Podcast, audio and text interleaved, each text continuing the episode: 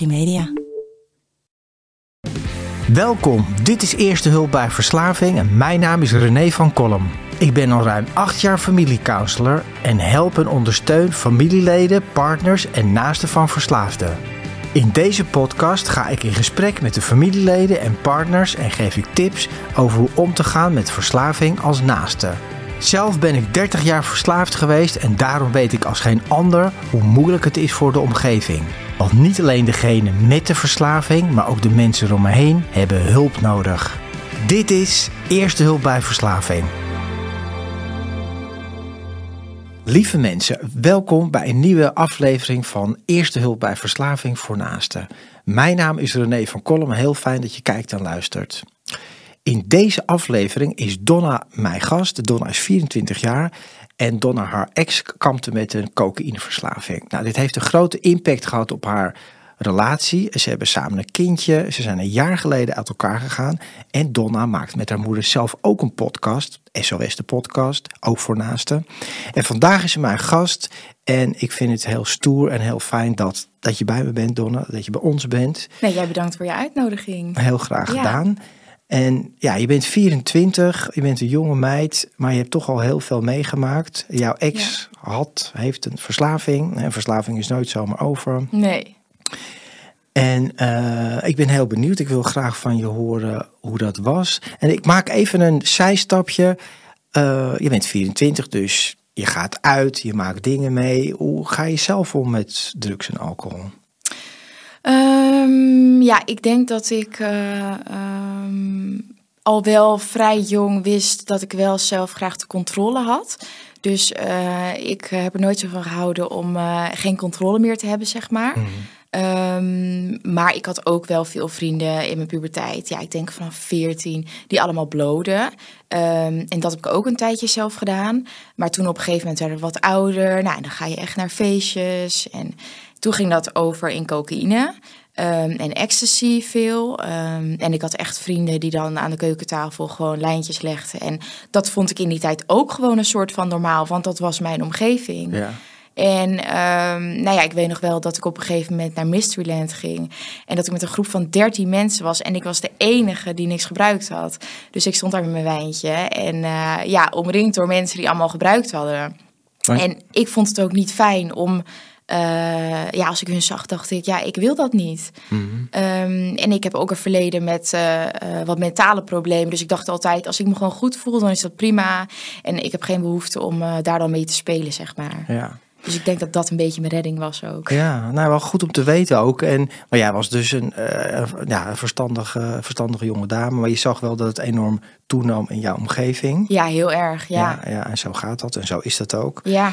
Hey, en als we dan uh, gaan naar, naar jouw verhaal, zeg maar, jouw uh, ex-partner, waar je samen een kindje mee hebt. Ja. Hoe heb je hem leren kennen en hoe ging dat in het begin? Uh, nou, ik was toen net 19 en um, ik wilde graag uit huis, want ik was thuis een beetje zat. En ik heb hele lieve ouders, maar ik was wel een beetje zat, want dat krijg je op een gegeven moment. En ik werkte eigenlijk gewoon fulltime in de zorg, dus ik was ook wel redelijk snel al volwassen geworden. Uh, voor hoeveel je, ver je volwassen bent als je 19 bent. en uh, toen op een gegeven moment ging ik met een vriendin uit huis. En we hadden samen wat gevonden. Superleuk. En toen dacht ik, ja, weet je, ik uh, vind het wel leuk om hier een beetje mensen in de buurt te leren kennen. Uh, mannen in de buurt te leren kennen. Dus ik dacht, nou, ik download eens zo'n app. Dus, nou ja, zo gezet, zo gedaan. En toen ontmoette ik eigenlijk al heel snel mijn, mijn ex-partner. En eigenlijk had ik meteen zoiets van, dit is bijzonder. Um, ik had dat daarvoor nog nooit gehad. En uh, nou ja, we gingen veel praten en dat voelde goed. Dus het was echt een klik. Het was echt een bijzondere klik, ja. En toen weet ik nog dat we uh, nou ja, voor het eerst afspraken en dat ik meteen echt dacht, wow. Ik wil niet zeggen dat ik overdonderd was, maar ik dacht wel meteen, wow, dit heb ik nog nooit meegemaakt. Nee, je bedoelt qua gevoel. Ja, qua gevoel ja, en qua... Nou, en in de loop van de dates uh, vorderde dat en het werd eigenlijk alleen maar meer. En op een gegeven moment dacht ik wel, nou, ik denk dat dit is waar mensen het over hebben. Dit is een soulmate. Echte liefde. Ja, en zo voelde dat voor hem ook. En uh, we hadden al best wel snel hele open gesprekken. Ja. Want we hadden allebei best wel uh, wat meegemaakt al.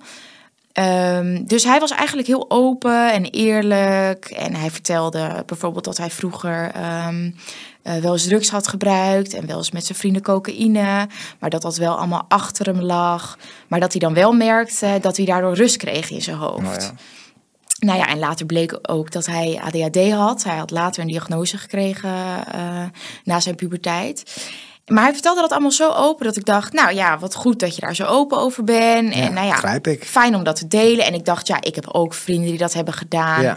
Dus ik had daar niet meteen een oordeel over. Nee, ik begrijp ook als je dat zo vertelt, dat je niet gelijk denkt van nou, eh, warning signal, ik moet hier Nee. heel erg op letten. Nee. Nee. ik moet wel even, het is wel grappig wat je vertelt, want ik denk gelijk terug aan mijn eigen verhaal. Toen ik mijn vrouw ontmoette, zei ik ook tegen haar, ja, dat ligt allemaal achter me en het valt allemaal wel mee en Ja. het is allemaal geweest. Ik zat er nog helemaal vol in, maar goed, dat Ja. is herkenbaar. Ja, en dat is denk ik toch ook eh, dat gedeeltelijk eerlijk zijn. Ehm, hij heeft dus toen zijn verhaal gedaan. En eh, er was een moment dat hij zei... eh, een jaar geleden heb ik ehm, eh, in, een, eh, of in een kliniek in een instelling gezeten... omdat ik een burn-out had. En dat was met mijn ADHD, het was allemaal te veel. Dus toen dacht ik wel, oké, wel pittig... want je zit niet zomaar, je wordt niet zomaar ergens opgenomen... Maar nou ja, dat kan. Het is een jaar geleden, oké. En achteraf bleek dat dat een week voor onze eerste date was. Wauw. Dus, en dat, ja. dat wist ik eigenlijk pas eh En dat noem, twee jij, later. dat noem jij gedeeltelijk eerlijk. nou ja, Maar dat is- ja. Het, Ja. Het, het leek alsof hij heel eerlijk was. Ja. Omdat hij zoveel vertelde. En ik had nog nooit gehad dat iemand zoveel vertelde meteen. Dus dat klonk heel eerlijk. Maar dat was natuurlijk niet zo. Begrijp ik. En het is ook lastig, hè? Want ik, ik, als ik jouw verhaal hoorde, denk ik, ja, je bent verliefd. Het is een, waarschijnlijk de man van je leven, denk je, Ja. op dat moment. Ja. En, en dan, eh, ja, dan ga je natuurlijk ook heel open erin. Ja. Dat is ook heel logisch. Dit is zo herkenbaar. Ook Mar- Margrethe, mijn vrouw, precies hetzelfde. Met die openheid, met Ja. die liefdevolle begrip. Ja, en je bent onbevangen ook. Ja, ik was Precies. 19. Ja. Ja. hoe volwassen ben je dan ook natuurlijk? Nou ja, maar dit kan in allerlei leeftijden ja, gebeuren. zeker. Ja, maar ik denk, ik zou er nu anders in staan. Maar als je 19 bent en je hebt, je hebt hier geen ervaring mee verder, dan, eh, Nee, ja, dan weet je dat ook dan neem je het aan en Ja, dan eh, zoek je daar verder niks achter. En is er een moment geweest, ehm, zeg maar in de tijd, waar jij merkte van dingetjes kloppen niet helemaal, verhalen kloppen niet, gebeurtenissen kloppen niet? Ja, er waren wel. Ehm, eh, eigenlijk is het eh, het eerste half jaar in onze relatie goed gegaan. Ehm, en op een gegeven moment, de vriendin waar ik mee samenwoonde, die wilde weer terug bij haar ouders gaan wonen. Ehm, dus toen eigenlijk was 1 en 2. Hij woonde een stuk verder. Eh, dus toen eigenlijk zeiden we, joh, wij gaan hier samen wonen. Ja. Maar dat ging dus heel snel, omdat dat, ja, dat waren dat samenloop van omstandigheden. Dus wij woonden heel snel samen. En toen weet ik nog op een gegeven moment, ehm, eh, toen was hij voor het eerst alleen bij mij thuis. En ehm, volgens mij was dat vlak voordat we samen woonden. En toen kwam ik uit mijn werk en toen zei hij, ja, eh, er is iets gebeurd met het doucheputje, is overgelopen. En het was een beetje een raar verhaal. En toen kwam ik binnen en toen dacht ik meteen, dit voelt niet goed. Ehm, maar ja, dat was voor het eerst dat ik zoiets, eh, zoiets voelde. Dus ja, daar denk je niks achter natuurlijk. En wat voelde er dan niet goed? Ja, dat is heel lastig uit te leggen. Ehm, maar ik voelde gewoon bij mezelf heel veel stress. En Mhm. eh, ik zag aan hem bepaalde dingen dat hij onrustig was. En ja, dat is gewoon iets met gevoel, denk ik. En nu achteraf denk ik, ja, tuurlijk, dat, dat is te plaatsen. En toen lag er een bonnetje ergens in mijn kamer van dat ik eten ergens had gehaald. En toen zei hij, wat is dit? En toen zei ik, nou ja, eh, dat is een bonnetje. Ik heb eten gehaald. Mhm. Dus ik ging een beetje lachen, want ik dacht, doe even normaal, waar Ja, gaat, het, over? over? Toen zei hij, ja, en met wie ben je hier geweest? En nou ja, achteraf denk ik, dat is altijd zijn patroon geweest. Eerst heel erg achterdochtig en paranoia. Naar jou toe. Ja, naar mij toe. En dat was wat er toen gebeurde. En dat ik toen wel dacht, dit is raar. Eh, maar ja, er zijn natuurlijk wel meer mensen die in een relatie jaloers zijn. En nou, kan Ja, gebeuren. ook, ja. ja, en weet je, als je heel blij bent met elkaar, dan wil je dat ook vasthouden. Ehm, dus toen dacht ik wel, oké, gek. Maar dat heb ik daarna laten gaan. Ja. Dat begrijp ik ook, want dan ga je niet gelijk denken, oh, dit is helemaal foute boel. Nee. En je weet ook toch niet echt waar je mee te maken hebt. Nee. Nee. terwijl nu achteraf denk ik, er was wel iets in mij wat zei, Ja. Dit is niet goed. Ja, dat hè, wat je nu vertelt, dat is iets wat je enorm veel hoort. Dat mensen Ja. voelen, zonder dat ze nou precies weten wat er aan de hand is. Maar dat klopt iets niet, het voelt Nee. niet fijn, de energie, de sfeer. eh, maar daar toch ook weer aan voorbij gaan. hè? Ja. ja, je intuïtie eigenlijk negeren. Ja, Ja. dat is een beetje wat er gebeurt natuurlijk. Nou goed, Ja. dus dat was de eerste keer dat er echt wat zich voordeed. Ja, Maar de, nou ja, gaat dan over en hij heeft daarna niet iets aan jou verteld of jij bent er niet op Nee. doorgegaan qua nee, vragen. nee. En ik weet dat mijn moeder wel dan een aantal keer zei van... joh, eh, maar hoe zit dit dan? En hoe zit Ja. dat dan? En dat ik gewoon dacht van, joh, laat het. Eh, ik vertrouw hem en eh, Ja. het zal wel goed zitten. Mhm. Ehm, en toen op een gegeven moment, eh, ja, nou, het, het was heel fijn samen. En nou ja, buiten dit ding was er eigenlijk niet zoveel. Het liep goed. Nou, wij hadden allebei het gevoel, wij zijn de liefdes van elkaars leven. Hij had een goed lopend eigen bedrijf. Ik had een vaste baan. We Ja. woonden samen.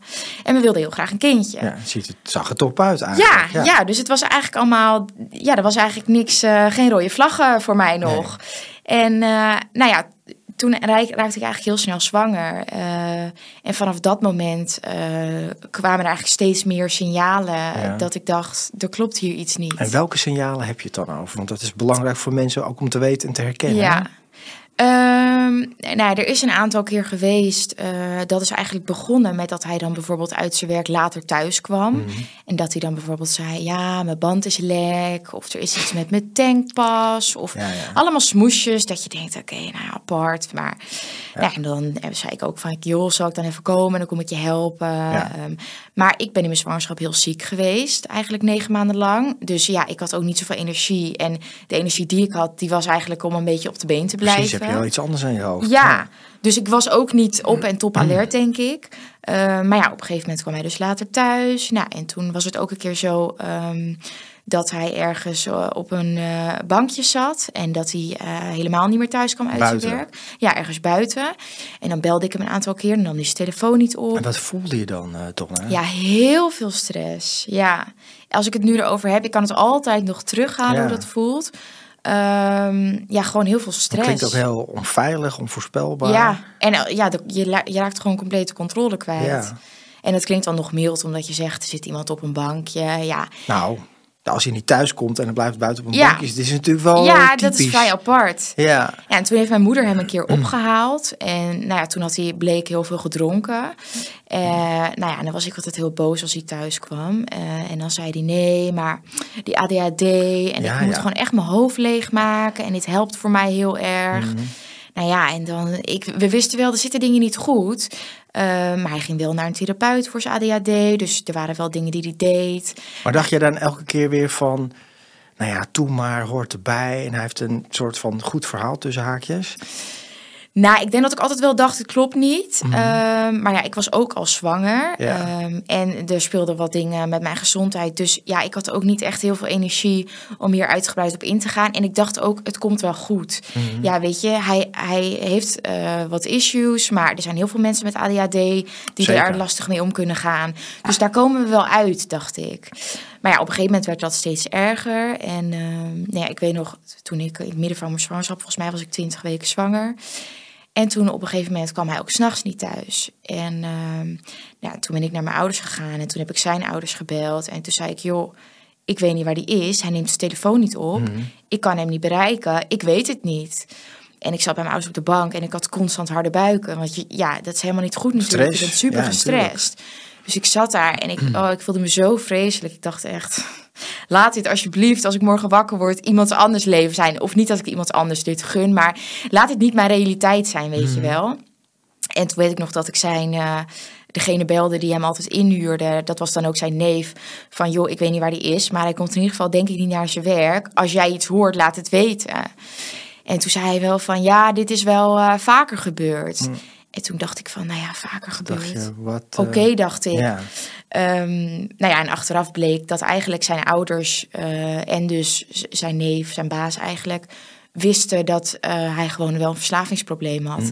En dat was nooit met mij gecommuniceerd, ook niet voordat ik zwanger was. ja, en dat is typisch nou wat er gebeurt met de verslaving. Hè? Dat, Ja. dat het niet delen er over elkaar toch ook niet erover praten met elkaar vanuit schaamte of mm, dat niet willen bespreken of jou daar niet willen, mee willen belasten. Nee. Terwijl als je nou terugkijkt, had je dat van tevoren liever wel gehad dat ze ouders naar ze toe kwamen of een neef? Ja, denk je dat je dat gaat? Ja, zeker. En ik weet niet, eh, kijk achteraf, je weet natuurlijk nooit hoe ik daarmee omgegaan was, want ik was dolverliefd op hem. Ja. Maar ik denk wel, eh, met de vraag die mijn moeder ook stelde, als ik dingen had geweten, dan was ik in ieder geval niet zwanger geworden. Ja, nou ja dus, dus wel. Ja, nou dat, dat is iets wat hier terugkeert. Maar ik zeg altijd, ja, je- als naaste sta je gewoon 10-0 of 5-0 Ja. achter. Hè? Je weet Ja. niet waar je mee te maken heeft. Eh, Je loopt achter de feiten aan, krijg je Ja. constant. Ja, zeker. Ja. Ja. en het voelt dan wel een beetje als, ja, ik wil niet zeggen bedrog, maar ik voel me wel een beetje in de zijk genomen ook achteraf. Dat er niemand is die dat tegen mij gezegd heeft. Terwijl iedereen wist dat wij graag een kind wilden Ja. samen. Nou ja, Ja, is best nuttig om te vertellen. dit is wel een dingetje, ja. ja. Ja. iemand is gewoon ziek, hè. Het is Ja. gewoon een ziekte, hoe je het ook wil noemen. Een stoornis, een aandoening. Ja, Die echt wel een hele grote impact heeft. ja. Hey, en toen, nou, hij kwam de hele nacht niet thuis. Heeft hij, was er een moment dat je echt dat gesprek of confrontatie van, nou, wat is er aan de hand en wat ben je nou aan het doen? Of hoe ging dat? Nou ja, ik kon geen contact met hem krijgen. Dus ik, ehm, volgens mij eh, heeft zijn zus hem toen uiteindelijk ergens opgehaald. Mhm. Dus hij heeft uiteindelijk wel zijn zus opgenomen. Eh, ik heb hem denk ik wel 60 keer gebeld. En dat doe je ook uit wanhoop. Hè? Want je, je moet iets. En Nou, dat begrijp ik. ja, en je bent boos en je bent bang. En nou ja, toen, eh, volgens mij heeft zijn zus hem opgehaald. En eh, nou ja, toen heeft hij echt wel een aantal weken bij zijn ouders gewoond. En ik weet niet meer precies wanneer we die confrontatie aan zijn gegaan.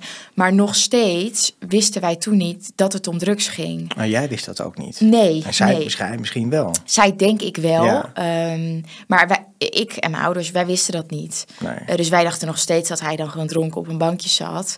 En eh, dat dat het probleem was. Wat ook een probleem is. Tuurlijk, dat is ook een probleem. zijn. Ja, Ja. Dus, dus ja, wij wisten dit zeg maar niet. nee. Ehm, En wanneer ben je daar? Op een gegeven moment kom je natuurlijk achter van, hé, hij, hij is gewoon aan het gebruiken. ja, nu achteraf heeft hij natuurlijk een hele zwangerschap ook gewoon gebruikt. Tenminste, dat is dan wat, Mhm. wat ik denk. Daar kom ik nooit helemaal achter. Ehm, maar toen onze zoon geboren was, toen hij drie maanden oud was... dat was het moment dat ik er echt achter kwam van... dit gaat om eh, cocaïne. En hij heeft gewoon eh, een flinke drugsverslaving. Mm. En wat, hoe, wat gebeurde er dat je erachter kwam? Eh, nou, het was toen s'nachts. uh, toen begon die paranoia heel erg. En toen maakte hij me wakker. En toen zei hij van, nou, ja, jij gaat vreemd. En hij had in mijn telefoon gekeken. En nou ja, ik heb echt niks te verbergen. Dus kijk lekker in mijn telefoon. Maar ik werd wakker en hij had mijn hele telefoon doorgespit. Ja. En toen zei hij, ja, eh, jij gaat vreemd, want dit en dit en dit. En ik dacht echt... Ik heb geen idee waar dit over gaat. En je wordt midden in de nacht wakker en onze zoon lag gewoon in bed. Dus ja, je bent overvallen. Je denkt, wat is dit? Maar hij had toen wel van de huisarts eh, slaappillen gekregen. Omdat hij zich dus eh, heel onrustig voelde door die ADHD. En nou, had hij dus eigenlijk uit nood gekregen dat als het echt niet ging... dan kon hij dat s'nachts nemen en dan kon hij gewoon slapen.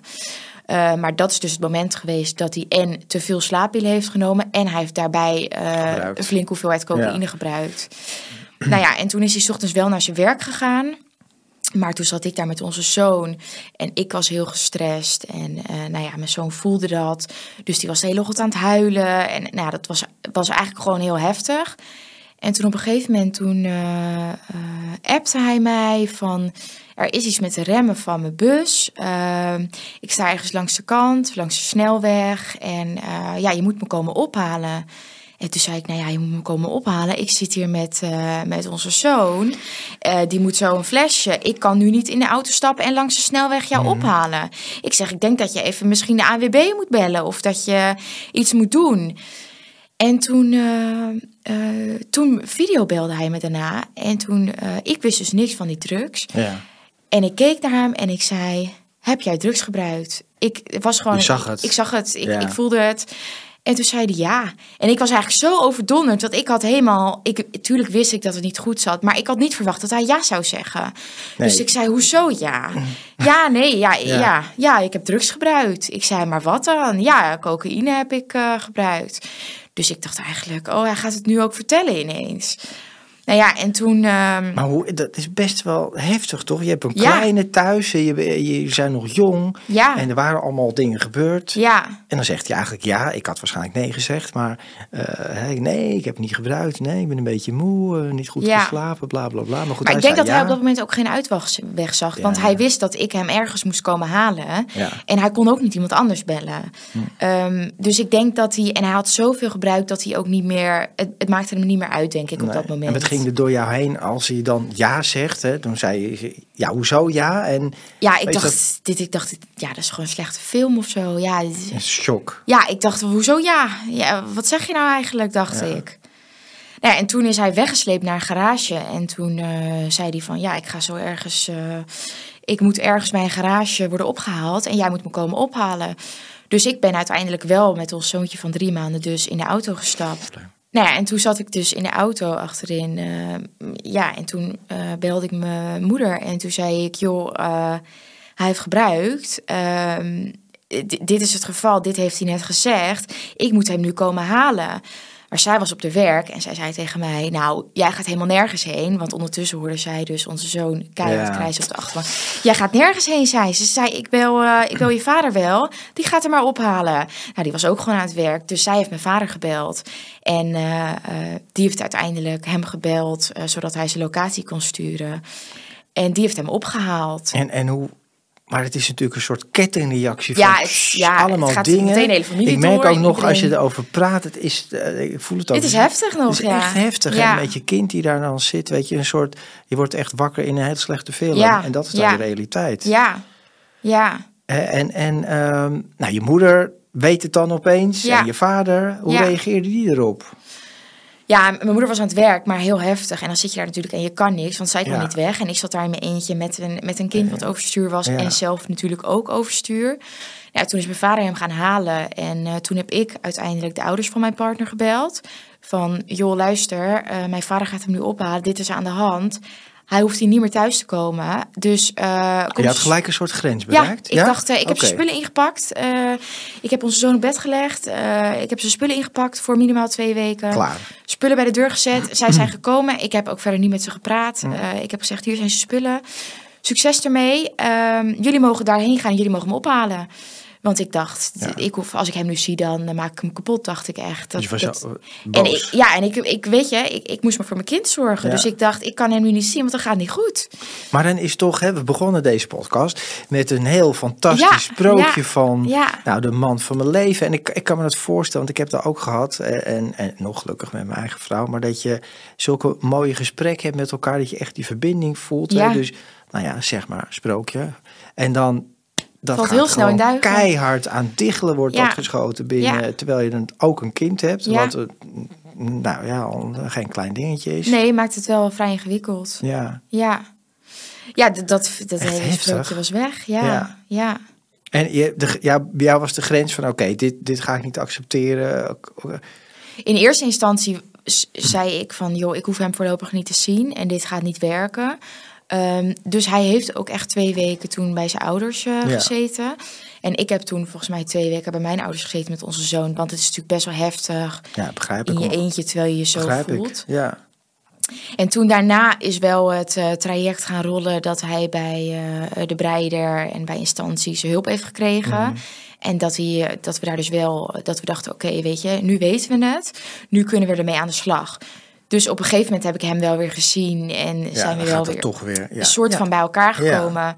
Maar ik denk vanaf dat moment was het voor mij al eigenlijk stuk. Ja. Wat, Ehm. en wat, wat was er een stuk? Want ik kan me voorstellen dat je vertrouwen behoorlijk ingedekt Ja. is. Was je vertrouwen weg? Was het er nog een klein beetje? Hoe, hoe was dat? Ehm, ja, ik denk dat, dat, het, dat er misschien nog wel een, eh, ja, een klein beetje vertrouwen zat. Ehm, en dat wil je natuurlijk ook. En het is ook menselijk. Maar de liefde was er wel nog. Ja. Ehm, maar dat, precies dat stuk maakt het super ingewikkeld. hè? ja. En dat is het probleem van de naaste. Dat, Ja. ja. je voelt die liefde voor de persoon, maar die verslaving is er ook. En wat is wat? En Ja. wat kan ik vertrouwen? En Ja. wat ik ook heel vaak eh, hoor eh, van mensen al in mijn werk als familiecounselor, dat ze dan terug gaan denken. Dus oké, dit klopt niet, maar klopte dat dan wel? En was dit wel echt? Weet je, dan krijg je een soort, dan gaan ze terugdenken, allerlei events die zijn gebeurd, die dan Ja. waarschijnlijk ook niet kloppen. Nee. Hoe, Hoe, ging dat bij jou? Ja, dat is heel herkenbaar. Want ehm, ik heb, zeg wel eens tegen mensen, ik heb tot op de dag van vandaag geen idee wat zijn werkelijke persoonlijkheid is. Hm. En tuurlijk, het, het is ehm, van binnen is het echt een heel goed mens. En eh, eh, nu ook een fijne vader. Ehm, dus het is eigenlijk een hele lieve man. Ja. Ehm, en daar ben ik ook verliefd op Dat geworden. begrijp ik. Maar er zit ook een, Ja. een stuk monster in, zo noem ik het eigenlijk altijd. Ja, dat is de verslaving. Ja, en eigenlijk heb ik geen idee. ehm, en nog steeds vallen er wel eens puzzelstukjes op zijn plek dat ik denk, oh ja. Maar nog steeds heb ik eigenlijk geen idee wat wel waar is en wat niet. Ja. Dus- Maar dat is toch heel ingewikkeld. Maar dat is Ja. het, hè? Dat vertrouwen, dat duurt heel lang voordat dat terug is. Bij Ja. mij, ik zeg het wel eens vaker, maar heeft dat, nou, mijn omgeving anderhalf tot twee jaar geduurd. Ja. En dat gaat, hè, eh, iemand zei laatst, vond ik ook heel mooi, vertrouwen is geen lichtschakelaar. Het is niet van aan en uit. Het is meer een soort, groeien. het is meer een dimmer, zullen we maar zeggen. Ja. Hij gaat heel langzaam, gaat hij uit. Ja, Maar hij gaat ook wel heel langzaam aan. Het is maar dit nodig, een klein dingetje wat je niet vertrouwt of wat je hoort. Ja. En hij gaat weer gelijk af. Hè? ja. Dus het blijft heel lastig. ja Ik zeker. vind het ook wel heftig om te zeggen, de, of te, hè, dat je zegt van ja, ik weet eigenlijk nog steeds niet wat nou wie is. Want natuurlijk zit daar een hele lieve man in die, Ja. je- waar- waarvan jij houdt en die je, die je kent en waarvoor je bent gegaan. En die de vader van je kind is. Ja, en dat is denk ik ook, eh, en dat probeer ik dan maar te zien als dat is deel van de ziekteverslaving. Ehm, dat hij toch zich nooit helemaal echt heeft voorgedaan. ehm, omdat, omdat hij heel veel dingen te verbergen had. Ja. Dus op een gegeven moment ga je denk ik zelf ook in een soort van leugen leven. Want wat heb je wel verteld, wat heb je niet verteld? Eh, Jij bedoel je? Nee, hij, ja. Ja. hij ging zelf in zijn eigen leugen, denk ik, een beetje geloven. Absoluut. En ja, wat heb ik nou wel gezegd en wat niet? En hoe kan ik mezelf hier uitpraten? Dus ik denk dat je hele persoonlijkheid ook naar de achtergrond verdwijnt. Ja. Hoe zou ik het zeggen? Je persoonlijkheid, degene die je echt bent, die verdwijnt naar de Ja. achtergrond. Het wordt inderdaad precies wat jij net zei. Het wordt een soort mix van degene die je echt bent. En ik ken dat van mezelf ook. Hè. Ik, Ja. ik kan van mezelf zeggen, nou dan mag ik misschien van mezelf zeggen, dat ik ben ook een lief en eigenlijk eh, leuk iemand die heel veel dingen niet zou doen. Ja. Als ik niet een verslaving, maar toen die verslaving er, er was en erbij kwam, wordt dat gewoon enorm gekleurd en beïnvloed. En Ja. dan krijg je inderdaad dat liegen, het manipuleren, halve verhalen vertellen, eromheen draaien. Nou ja, dat, ik zeg ook altijd, verslaving is inderdaad dan 30% dat middel, of welk middel het is, of welk gedrag.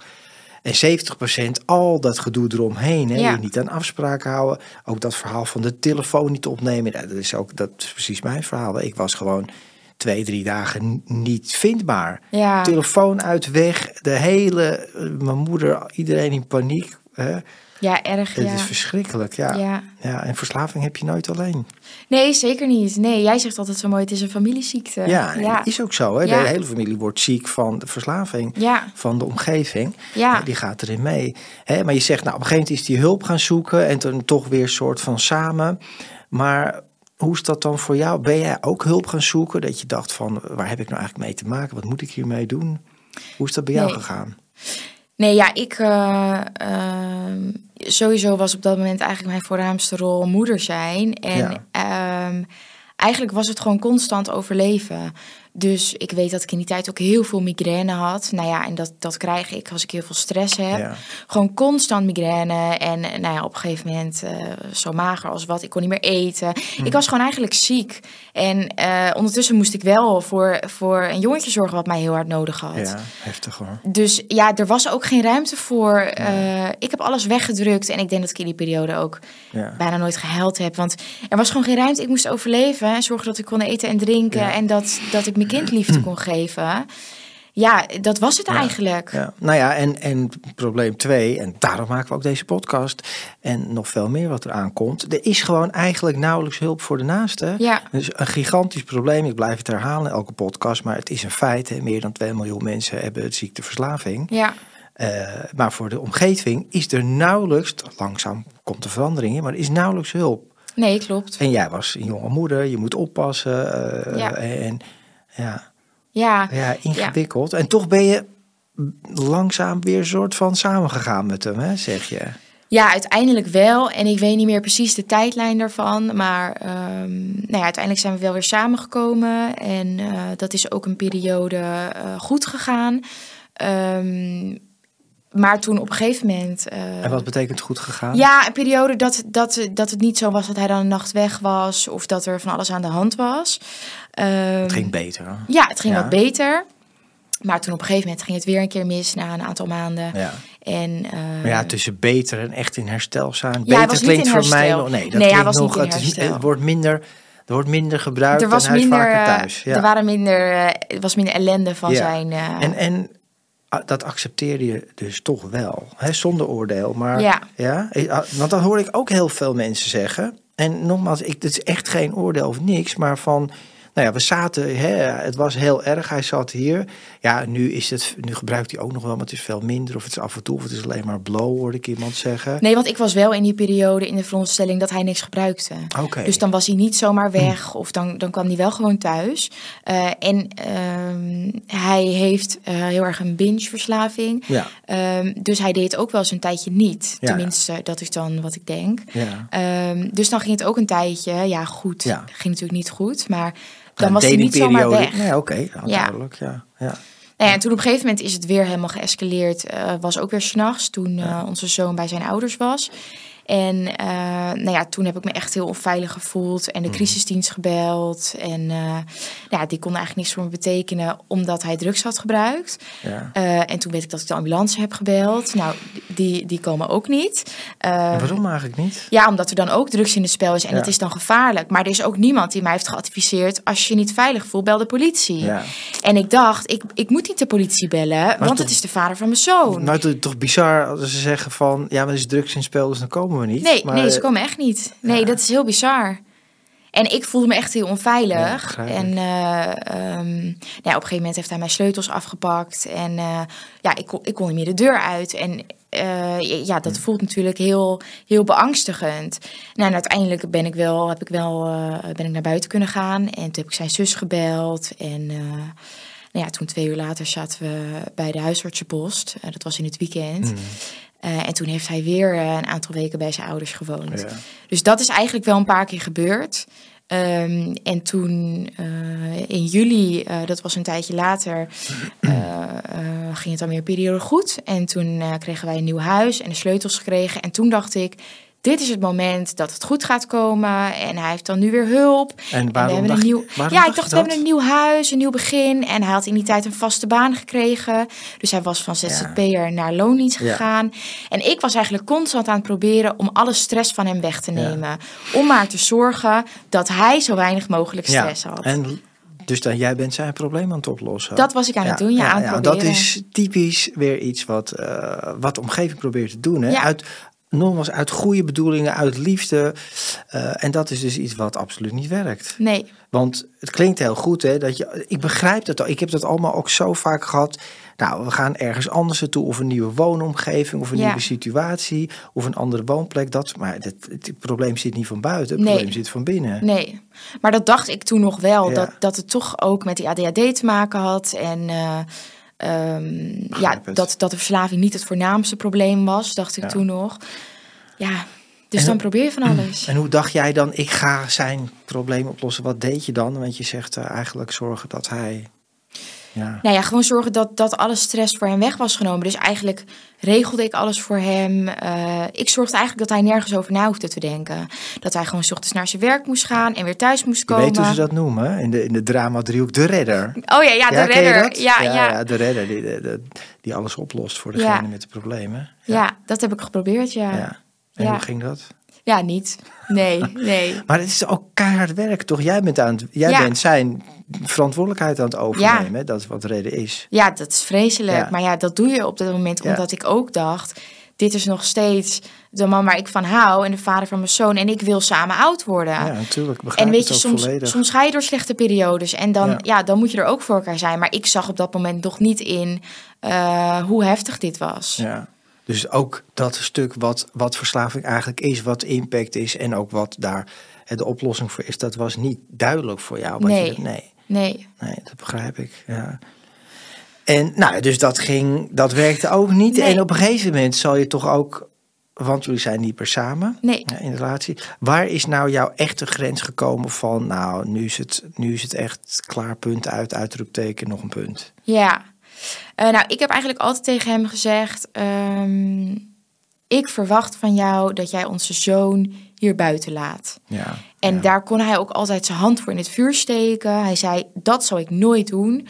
Ik, ik, zal, ik zal het nooit doen als hij erbij is. En, eh, en daar was ik ook echt van overtuigd. En dat klinkt dan misschien een beetje, eh, ja, ik wil niet zeggen naïef, maar Klinkt wel naïef, Donna. ik was er gewoon van overtuigd dat, weet je, je bent een vader en je bent verantwoordelijk. Ja. En je hebt een probleem, maar daar betrek je niet ons kind bij.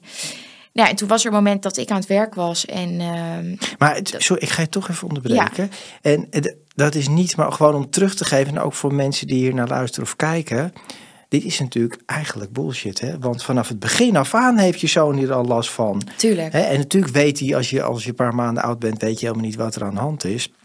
Maar de energie, de stress van Ja. de moeder, ik vind het echt heel verdrietig en wel hartverscheurend. Ja. Om jou, wat jij vertelt in beelden, eh, terug te krijgen. Dat je daar zit in die auto en drie maanden oud en, en huilen en krijsen. Dus eh, het idee van, ja, maar mijn kind ziet het niet als ik, hè, ik doe het niet als ik erbij ben. Ja. Maar ze hebben er Ja, dat krijgen ze 100 mee, tuurlijk. Tuurlijk, ze hebben Ja. er 100% last Ja. van. Maar, ja, goed. voor mij was de grens, zolang je niet gebruikt, Waar hij, als je alleen met hem bent. Ja, precies. Weet je, want Ja. eh, en er was in die periode verder. was het ook even dat hij dan weer niet gebruikte. Dat was elke keer afgewisseld. ja, En toen was ik op mijn werk en toen eh, had ik al een beetje het gevoel van, ik weet het niet zo goed. Toen had ik mijn moeder wel gebeld, maar nou, op zich zei hij dat het allemaal goed ging. Oké, prima.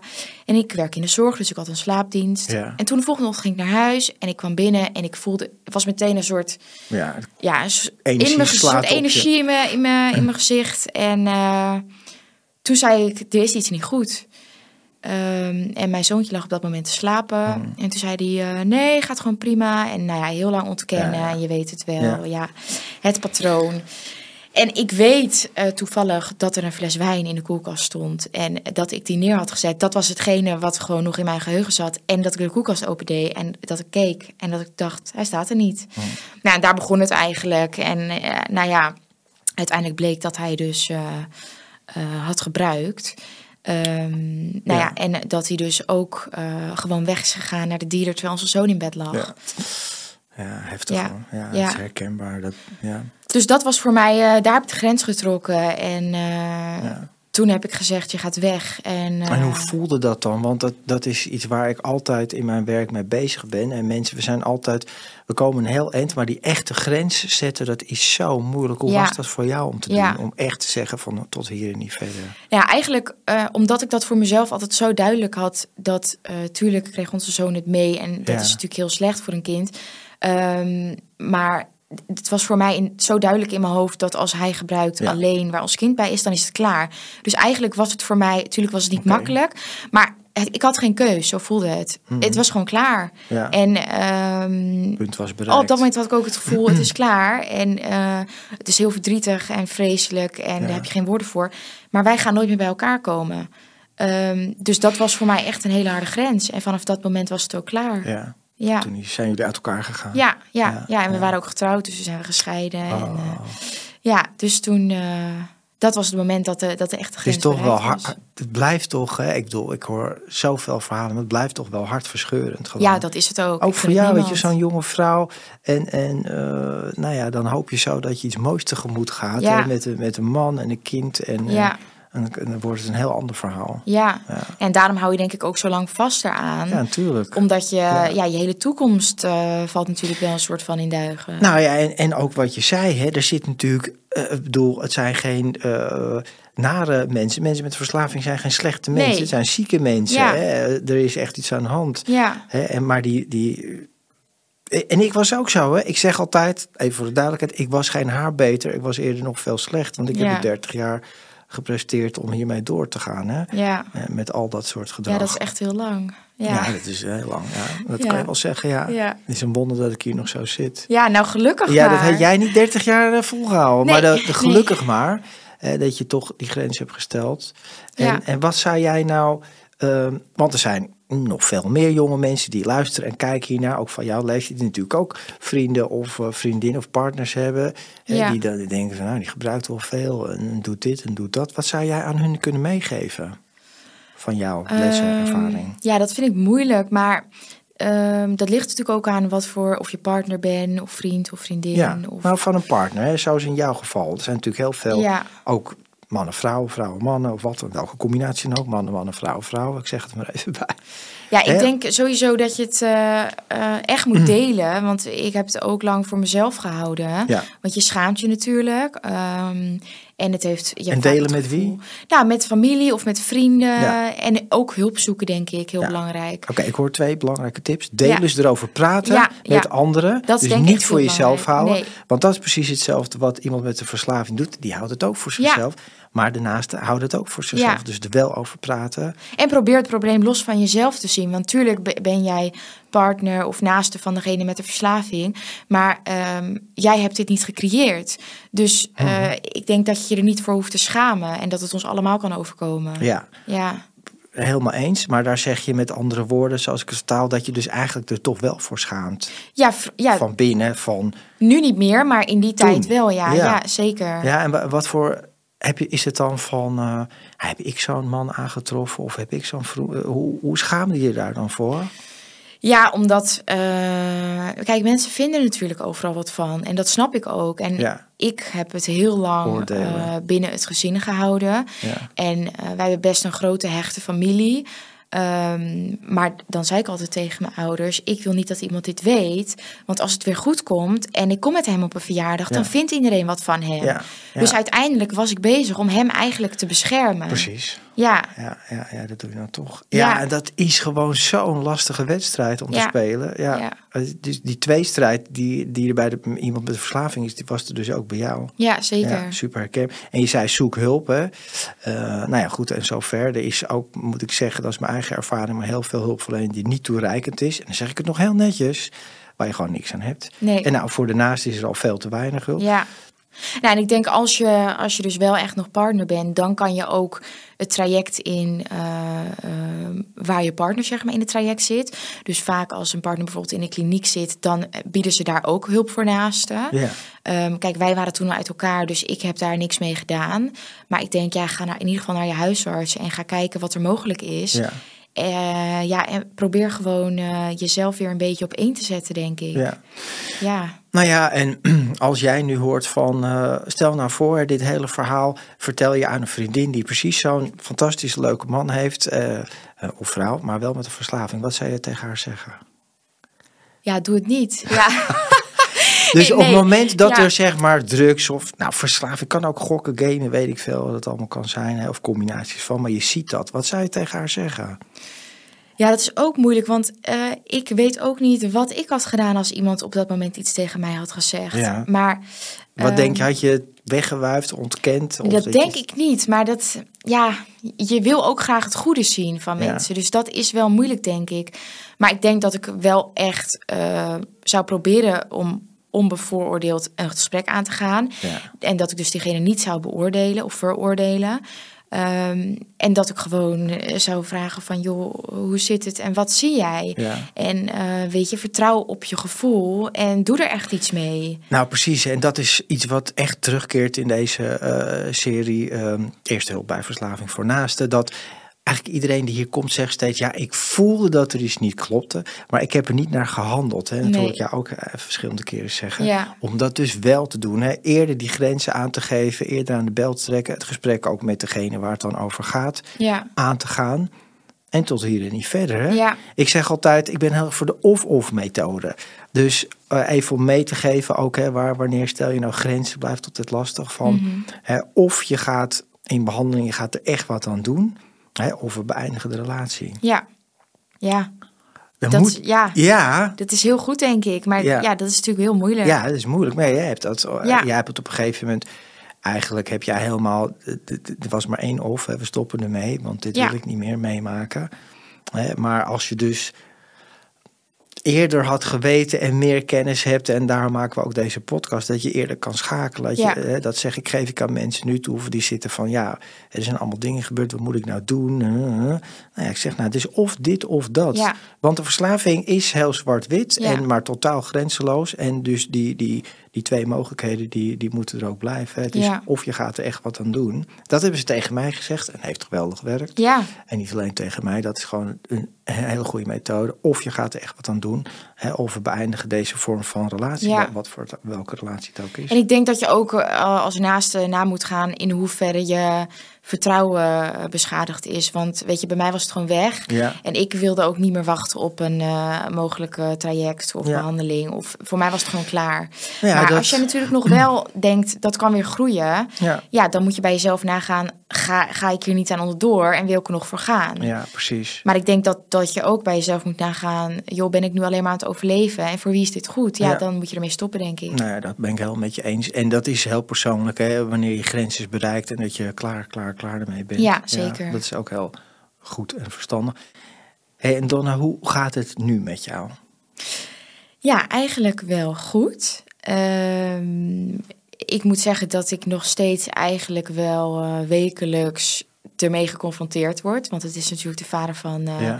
mijn zoon. En eh, nou ja, mijn rol is de veiligheid van onze zoon waarborgen. Mhm. En dat neem ik ook heel serieus. Dus ehm, ja, weet je, daar ben ik veel mee bezig. En eh, ja, zodra er weer iets eh, gebeurt, eh, moet het weer allemaal teruggeschroefd worden. Ja. Ehm, ja, dus, dus dat is nog wel heftig. En ik merk dat, ja, je hebt natuurlijk iets heftigs meegemaakt. Dat heb je niet zomaar verwerkt. Nee.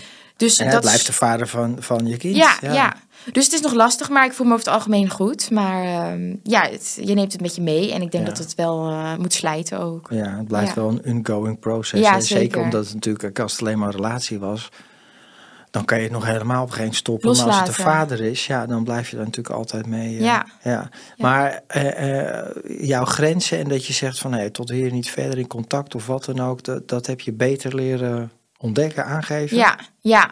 Ehm, want eigenlijk spreek ik hem eh, privé niet echt. We hebben dan een groepsapp en daarin eh, Ja. doen we met de moeders, zeg maar, bespreken we dingen. En ik koppel ook altijd alles meteen terug. Dus ik, eh, Ja.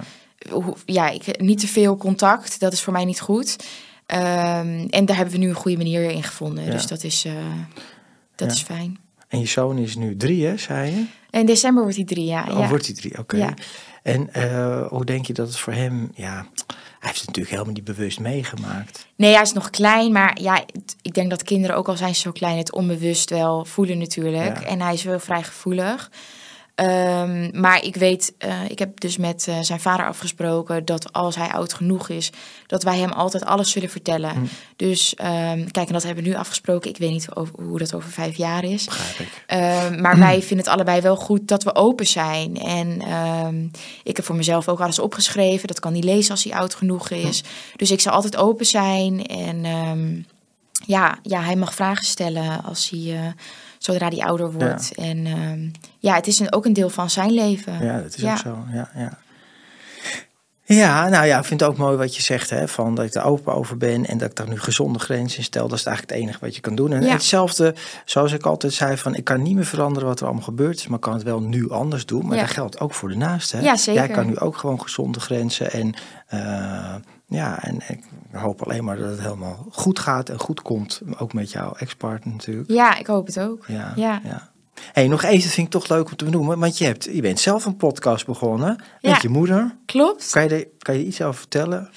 Eh, ja, nou, wij zijn die begonnen omdat we eigenlijk een beetje misten eh, het voor de naaste, zeg maar. Er waren wel veel boeken en podcasts over mensen met een verslaving, maar weinig voor de naaste. En wij waren eigenlijk vooral ook boos en wij wisten gewoon niet zoveel over de ziekteverslaving. Nee, nee, nee, dat is het hele probleem. Nee, dus wij dachten, wij willen ons er wel eens in verdiepen. En ehm, nou, gewoon eens horen van de professionals, hoe zit dit nou? En Ja. weet je, ook voor de naasten gewoon meer bekendheid. En wij dachten, als wij nou zelf het verhaal vertellen...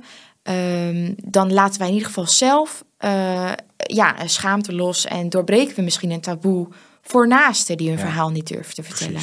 Ja. En zo zijn we er eigenlijk mee begonnen. Van weet je, als we één iemand kunnen helpen, dan, uh, ja, dan is, dat het er al één. Precies, ja. nou, zo denk ik ook altijd. Ja, ja, ja hetzelfde als uh, wat jij aan het doen bent natuurlijk. Ook heel fijn voor de naasten. Ja, doen eigenlijk hetzelfde. Ja. En ik ben met jullie in de podcast geweest. En ja, nu superleuk. ben je hier, ja, we dus zijn bij dat elkaar is te gast. Hartstikke ja. fijn. Nou, dan wil ik je bedanken voor uh, in deze podcast komen. Nogmaals, Ja. ik ben bij jullie geweest, nu ben je bij mij. En uh, super, uh, nou, wel heel knap en, en ook wel heel heftig. Hè, wat je allemaal vertelt, dat je op zo'n jonge leeftijd zoveel meemaakt. Ja. Ik vind het ook knap. Dus um, dankjewel Donna voor het delen van jouw verhaal. Jij heel erg bedankt voor de uitnodiging. Ja, dankjewel. Ja. En uh, lieve kijkers en luisteraars, dank jullie wel voor het, uh, het kijken en het luisteren naar deze podcast. Uh, deel het met andere mensen als je dit verhaal herkent of dat je denkt van hey, het zou eens goed zijn als die en die ernaar luistert. Uh, abonneer je op dit kanaal, like de podcast, deel het met de anderen, heb ik al gezegd. En nog even een paar tips als je denkt, ja, ik zoek eigenlijk ook hulp. Er is een fantastische organisatie, gratis organisatie, moedigemoeders.nl kan je opzoeken. Uh, de link staat in de beschrijving. De R-Anon, ook een zelfhulpgroep voor naasten van iemand met een verslaving. Een codependency meetings, voor als je niet kan loskomen van dat moeilijke stuk. Allemaal zaken om te helpen. En check mijn website ook, renévancolum.nl. En vooral blijf deze podcast volgen. Nogmaals, dank jullie wel voor het kijken en het luisteren. Ik hoop jullie te zien in de volgende aflevering van Eerste Hulp bij Verslaving voor Naasten. Dankjewel.